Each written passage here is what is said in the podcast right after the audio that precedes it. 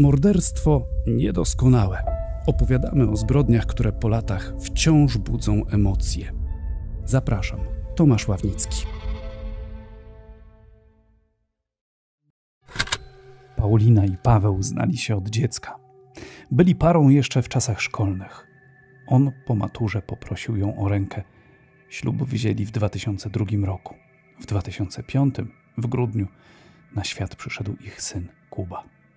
Teraz mąż pani Pauliny mówi, że liczy na to, iż zabójca jego żony w końcu stanie przed wymiarem sprawiedliwości i zostanie skazany na dożywocie, choć to i tak, jak mówi, mała kara za to, co morderca zrobił jego żonie.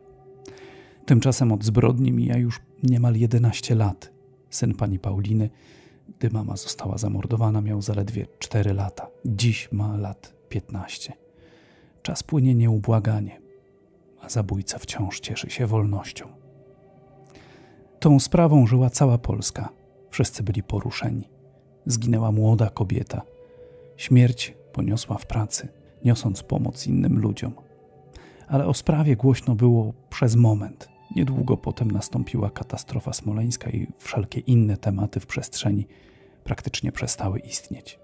To nie oznacza oczywiście, że policja i prokuratura nie badały tej sprawy. Owszem, śledztwo trwało, tylko jakoś ta wstrząsająca zbrodnia wyparowała ze świadomości społecznej.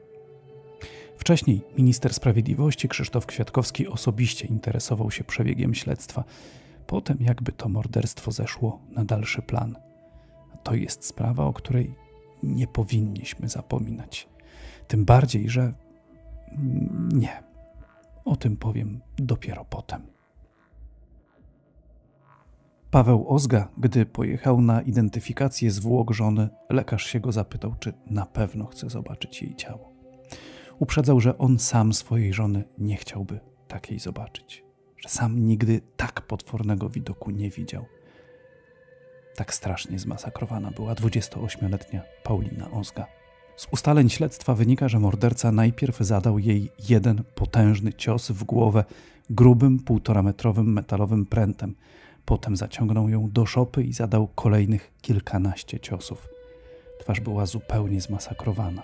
Gdy przyjechało pogotowie, lekarze początkowo nawet nie byli w stanie stwierdzić, czy to kobieta, czy mężczyzna. jeszcze żyła. Próbowali ją ratować. Najpierw na miejscu, potem panią Paulinę przewieziono do szpitala w Środzie Śląskiej. Nie udało się. 28-latka zmarła w wyniku odniesionych obrażeń. Ta makabryczna zbrodnia była bulwersująca o tyle, że ofiarą była społeczna kuratorka sądowa.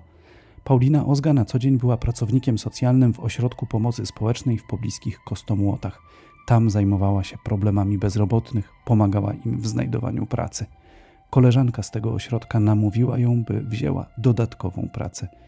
Zaledwie parę miesięcy przed śmiercią została kuratorem przy sądzie rejonowym w Środzie Śląskiej. Miała pod opieką sześć rodzin. Pewnie doświadczenia w tej pracy jeszcze jej brakowało. Nie brakowało natomiast empatii. Poszła tam, bo to mówią wszyscy, którzy ją znali. Chciała i lubiła nieść pomoc innym. Widziała w tym sens. Wygląda na to, że sprawca tę dobroć pani Pauliny w bezwzględny sposób wykorzystał. Mówi mi Marcin Rybak, dziennikarz Gazety Wrocławskiej, który wielokrotnie w swoim dzienniku opisywał sprawę morderstwa Pauliny Ozgi oraz późniejszych prób ustalenia mordercy. Pan wtedy rozmawiał z osobami, które znały panią Paulinę. Co oni o niej mówili? Młoda osoba, która poszła do tej roboty, no z powołania, trudnej strasznie roboty. Rzeczywiście w, w mojej pamięci taki obraz osoby takiej bardzo przykładającej się do tej swojej pracy kuratora, takiej bardzo zaangażowanej, e, otwartej, takiej e, łatwo nawiązującej kontakt z ludźmi, e, ufającej ludziom. I chyba to sprawca wykorzystał. Wykorzystał to jej zaangażowanie. Sprawca musiał wiedzieć, że jak ona otrzyma telefon, że u jej podopiecznych jest libacja, to nie pośle tam policyjnego radiowozu, tylko sama wsiądzie w auto i pojedzie. Po prostu mimo tego, że było, nie wiem, po południu, wieczorem, że była zmęczona, że może nie musiała. Rzeczywiście taki obraz osoby takiego wzoru. Tego feralnego dnia padał deszcz ze śniegiem. Wszędzie było błoto. Niestety, pogoda dla sprawcy była wręcz idealna. 16 marca 2010 roku. późne popołudnie. O tej porze roku jeszcze szybko robiło się ciemno. Do Pauliny Ozgi ktoś zadzwonił z informacją, że we wsi Michałów koło Środy Śląskiej, w rodzinie, którą się opiekowała, trwa libacja alkoholowa. To była rodzina ze sporymi kłopotami. Pod jednym dachem żyli tam właściciele mieszkania, ich córka z narzeczonym i dwuletnim synkiem Kacprem oraz druga córka o znacznym stopniu niepełnosprawności wymagająca stałej opieki. Kilka miesięcy wcześniej sąd ograniczył matce Kacperka prawa rodzicielskie. Uzasadnienie? Warunki, w jakich wychowywano dziecko. W domu brudno, w rodzinie zaś alkohol był niczym chleb powszedni. Paulina Ozga zaangażowała się w nadzorowanie matki Kacpra. Starała się też pomóc rodzinie w znalezieniu odpowiedniego domu opieki dla jej niepełnosprawnej siostry, czyli cioci Kacpra. Wśród innych kuratorów miała opinię osoby bardzo wrażliwej na krzywdę, zwłaszcza dzieci. Wchodziła w miejsca, do których inni kuratorzy się bali. Tak, tuż po zbrodni o zamordowanej mówił rzecznik Wrocławskiego Sądu Okręgowego sędzia Marek Poteralski. Bardzo się przejmowała swoimi podopiecznymi. To dlatego, gdy tylko dostała telefon, że w ich domu znów jest alkohol, bez zastanowienia ruszyła do Michałowa. Z późniejszych ustaleń wynika, że do państwa W nie zdołała nawet zapukać. Ktoś zaatakował ją od tyłu, uderzając w głowę z ogromną siłą. Potem zaciągnął 10 metrów od domu do budynku gospodarczego. Tam katował dalej. Pozostawił półżywą. Zakrwawioną kobietę zobaczył sąsiad podopiecznych pani Pauliny. Wezwał pogotowie. Kiedy tę kobietę znaleziono na posesji w Michałowie, ona jeszcze żyła. Nie udało się jej potem uratować. Zmarła w szpitalu, ale podczas tej akcji ratunkowej no chyba zatarto wiele istotnych śladów, prawda? Dokładnie tak było, jak pan mówił. Natomiast to, żeby było jasne, to nie jest niczyja wina, tak? Po prostu w sytuacji, w której ratuje się życie człowieka, to, jest najważniejsze. Gdyby na tej posesji znaleziono osobę, która nie żyje, jakby procedura postępowania byłaby zupełnie inna. W tym momencie już jakby nie ratowanie życia człowieka jest najważniejsze, tylko najważniejsze jest precyzyjne i drobiazgowe zbieranie śladów. Każdy, kto w takiej czynności uczestniczył, każdy, kto, kto wie, jak to, jak to działa, wie, jak bardzo liczy się precyzja, detale i jak łatwo coś przegapić, co potem spowoduje, że nigdy tej sprawy nie będziemy w stanie wyjaśnić. Natomiast tutaj być może po prostu sporo śladów uległo zatarciu z tego powodu, że tam przede wszystkim była prowadzona bardzo intensywna akcja ratunkowa. Jeszcze na miejscu, zanim zawieziono do szpitala, tak? Tak, tak, no to jest dość oczywiste. 28-latka zmarła pół godziny po przewiezieniu do szpitala. Na miejscu później znaleziono jedynie długi metalowy pręt, gruby, o średnicy ponad 2 cm. Na nim zabezpieczono zaschniętą krew ofiary i tylko tyle. Poza tym żadnego śladu. Wiele zostało zwyczajnie zadeptanych podczas akcji ratunkowej, ale druga kwestia, to już wspominałem, pogoda.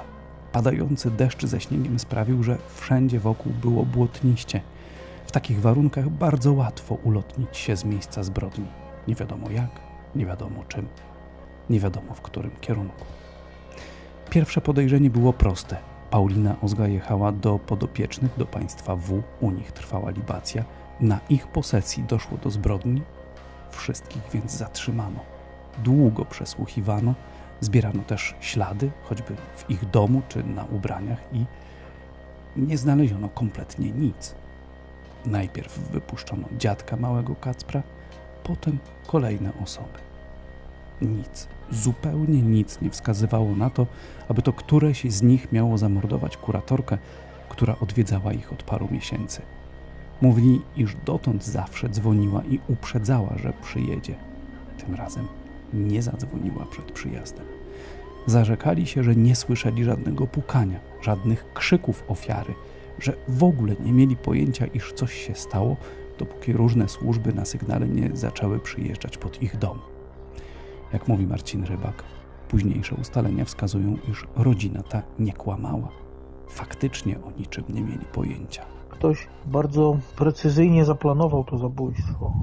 Zrobił tak, żeby rzucić podejrzenie na inne osoby. Do tego zabójstwa doszło na posesji podopiecznych pani kurator. I bez wątpienia oni byli pierwszymi podejrzanymi, prawda? Oczywiście oni zostali od razu zatrzymani. Podejrzanymi formalnie nie byli, tak? Byśmy chcieli no, w kręgu tak podejrzeń, tak. podejrzewanymi. Byli tak. w kręgu, tak, byli w kręgu podejrzeń, e, zostali zatrzymani, przebadano ich odzież szczegółowo, sprawdzano jakieś ślady, mikroślady cuda, żeby sprawdzić, czy oni mieli z tym coś wspólnego. I pierwsze jakby sugestie, przekazy, podejrzenia jakby szły w ich stronę, bo to jakby siłą rzeczy to byli podopieczni z kuratora, tak? Czyli to były osoby takiego środowiska, najogólniej rzecz biorąc, patologicznego. Bez wątpienia też byli pod wpływem alkoholu. Pod wpływem alkoholu człowiek robi nieraz różne głupie rzeczy, tak? To prawda. Więc to podejrzenie padało na nich, ale potem były ustalenia, które jakby przeczyły tej wersji. Potem y, prokuratura dokonała ustaleń, że jakby to miejsce zostało wybrane nieprzypadkowo. Potem się okazało, że, że to po pierwsze nie te osoby, nie było żadnych śladów, nie było żadnych dowodów y, takich materialnych na związek z zabójstwem. Z tego co pamiętam, tam działanie sprawców było tak brutalne, że z pewnością zostawiłoby ślady na, na odzieży tych osób. Niczego takiego nie znaleziono. A nie zdążyliby jeszcze, nie wiem, wyprać, tak? Nie, oczywiście, że bo tak. To, no, bo to się stało Wydaje się, że są takie ślady, których się zaprać nie da. Mhm. Znam przypadki y, śladów takich kryminalistycznych, które są ujawniane mimo tego, że odzież była prana w detergentach, w pralkach, więc nie. Pani Paulina pojechała do tych podopiecznych dlatego, że dostała telefon, że tam jest libacja. Tak. Czy kiedyś ustalono, kto do niej dzwonił? Nie wiem, czy ustalono, kto do niej dzwonił. Tego, co ja pamiętam, to co w tej historii jest najbardziej wstrząsające, to ustalono, idąc już zupełnie na koniec, kim mógłby być sprawca. Aha. Rzeczywiście był anonimowy telefon, tyle tylko, że jakiś, że tak powiem, krąg podejrzanych, wydaje się, że zawężony bardzo mocno do jednej osoby, y, został w tej sprawie y, ustalony. Natomiast nigdy niczego nikomu nie udowodniono. Tak jak ja rozmawiałem kiedyś z osobą, która tę sprawę znała bardzo dobrze, odniosłem wrażenie, że przekonanie graniczące z pewnością co do sprawcy jest. Natomiast nie ma dowodów. Poszlaki chociaż były?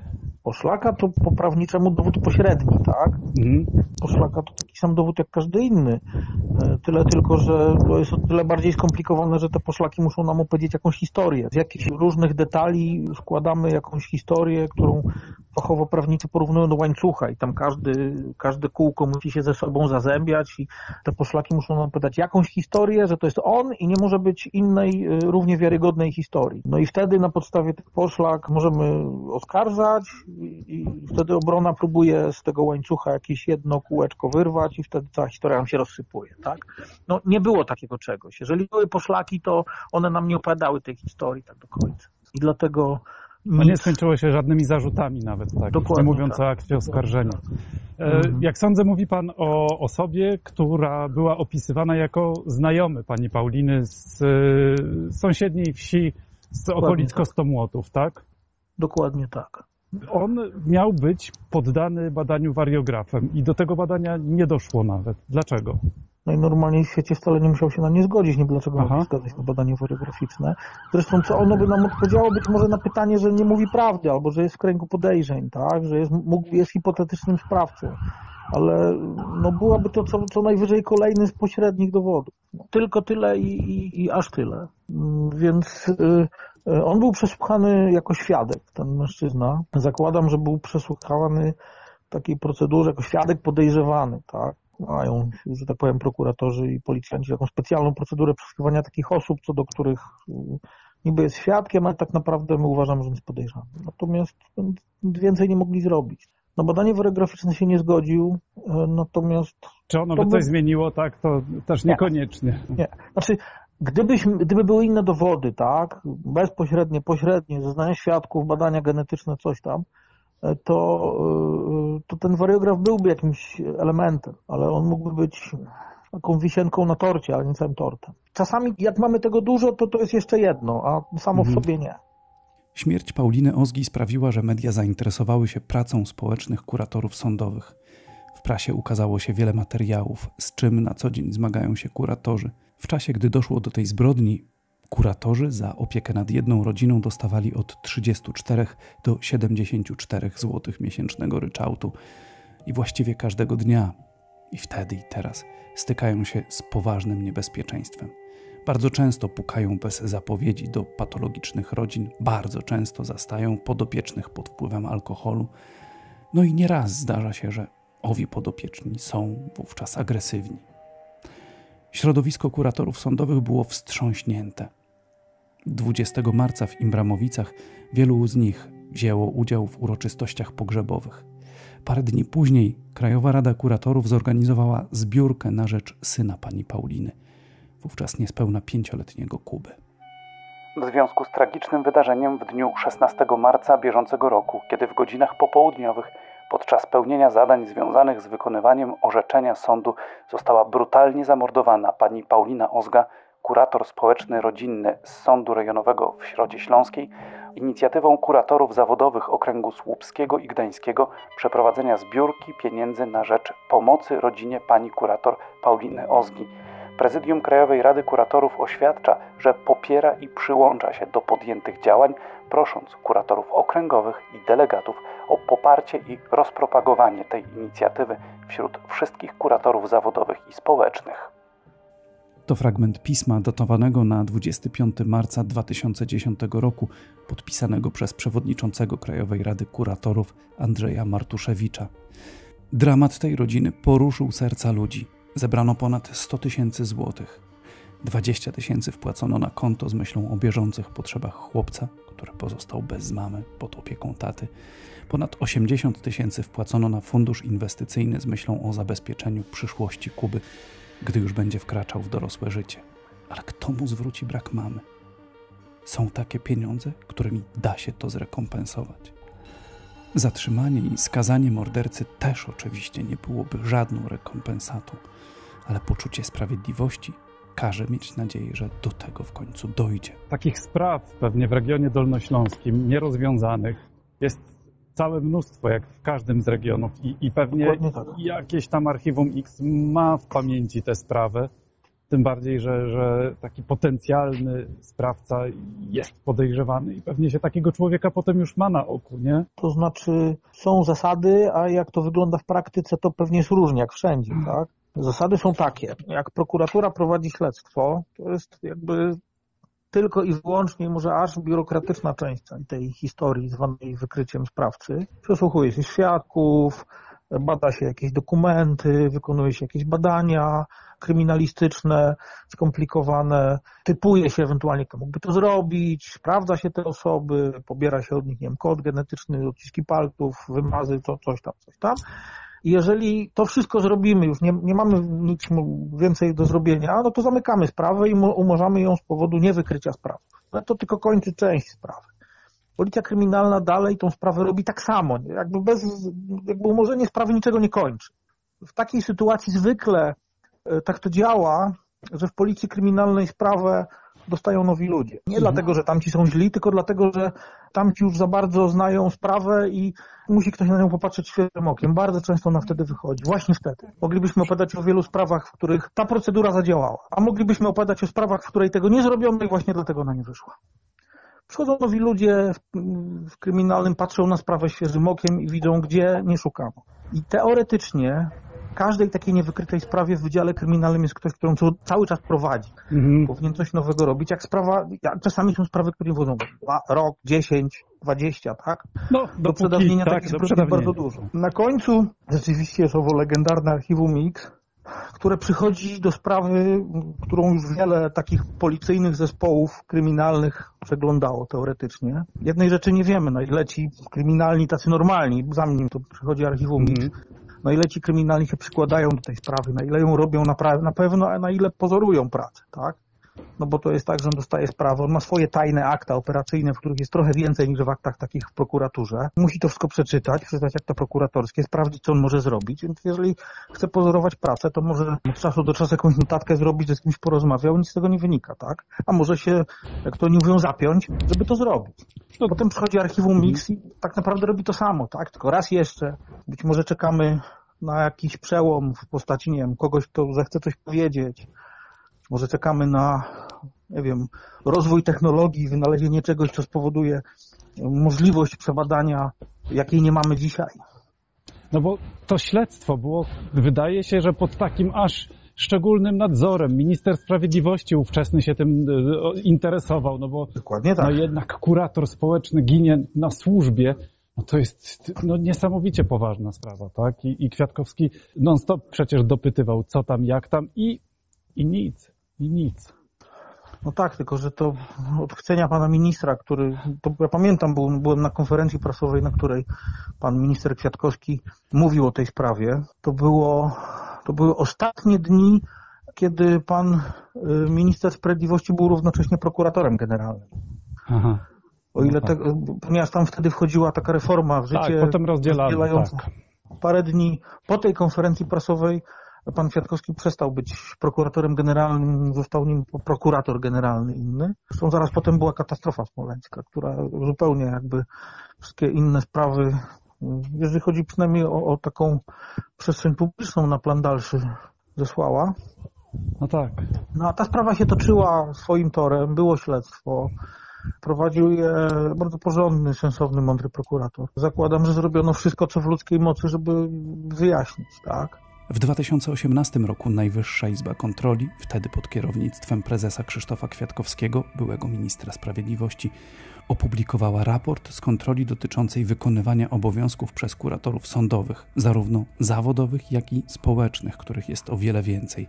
Kontrola była tym bardziej istotna, że po zabójstwie Pauliny Ozgi wielu kuratorów społecznych odeszło z pracy, bojąc się o swoje życie. Inspekcja wykazała niestety, że przypadków agresji wciąż jest wiele i nikt za bardzo nie wie, jak sobie z tym poradzić. Że jeszcze w budynku sądu jest ochrona, ale gdy kurator odwiedza podopiecznych w ich środowisku, to najczęściej może liczyć tylko na siebie. W skontrolowanych sądach okręgowych zgłoszono 93 przypadki agresji wobec kuratorów sądowych. Podczas panelu ekspertów sygnalizowano, że w przypadku znacznej liczby tego rodzaju zdarzeń ich sprawcy pozostają bezkarni. Organy ścigania często odmawiały wszczęcia postępowania albo umarzały wszczęte postępowania karne, przede wszystkim ze względu na brak możliwości udowodnienia przez kuratorów sądowych prezentowanej wersji zdarzeń. Na uwagę zasługuje przy tym fakt, że ministerstwo zleciło badania dotyczące bezpieczeństwa pracy kuratorów sądowych, w wyniku czego powstały dwa raporty pod tytułem Bezpieczeństwo kuratorów sądowych w świetle badania ankietowego oraz Bezpieczeństwo pracy kuratorów sądowych. Płynące z tych analiz wnioski wskazują na konieczność wprowadzenia rozwiązań systemowych zorientowanych na poprawę bezpieczeństwa kuratorów sądowych. Ministerstwo stało jednak na stanowisku, że bezpieczeństwo pracy kuratorów sądowych pozostaje w gestii prezesów sądów okręgowych i rejonowych oraz dyrektorów tych sądów, którzy na mocy odrębnych przepisów zobowiązani są zapewnić pracownikom odpowiednie warunki wykonywania zadań. Tak oto teoria zderza się z praktyką. W przypadku śmierci Pauliny Ozgi najbardziej szokujące jest to, że, jak wspomnieliśmy, policjanci i prokuratorzy są niemal pewni, kto mógłby być sprawcą. Tyle, że nie mają wystarczających dowodów. Podejrzenie padło na Grzegorza S., znajomego pani Pauliny oraz jej męża. Paweł Ozga w rozmowie z interwencją Polsatu przyznawał, że był to jego kolega z sąsiedniej miejscowości, z którym znał się od paru lat i któremu jego żona wyraźnie się podobała. Czyli pojawia się prawdopodobny motyw. Czy to on dzwonił do Pauliny Ozgi? Czy to on w ten sposób zwabił kuratorkę sądową na posesję we wsi Michałów i tak oto też ściągnął podejrzenia na rodzinę podopiecznych? Prokuratura informuje, że zna numer, z którego dzwoniono do ofiary. Tyle tylko, że był to ostatni telefon, jaki wykonano z tego numeru. Potem zamilkł, ale to nie oznacza, że sprawiedliwości już nigdy nie stanie się zadość. Najbardziej dramatyczne jest to, że jak kiedyś rozmawiałem z kimś, kto tą sprawę zna i usłyszałem, no wiemy, kto to zrobił. Bezsilność Może- takiego śledczego, trudna sprawa. Tak, mam sprawę jeszcze gorszą. Mam Ha. sprawę jeszcze gorszą, w której słyszałem od prokuratora, my wiemy, kto to zrobił. Nigdy nie będziemy w stanie tego udowodnić. A, a to zupełnie inna historia. No fatalnie. A czy trzeba mieć nadzieję, że kiedyś y, w takiej czy innej formie y, jakiś dowód się znajdzie? Albo tego człowieka ruszy sumienie, przyjdzie, sam się przyzna. I właśnie dlatego o tej sprawie nie wolno nam zapomnieć.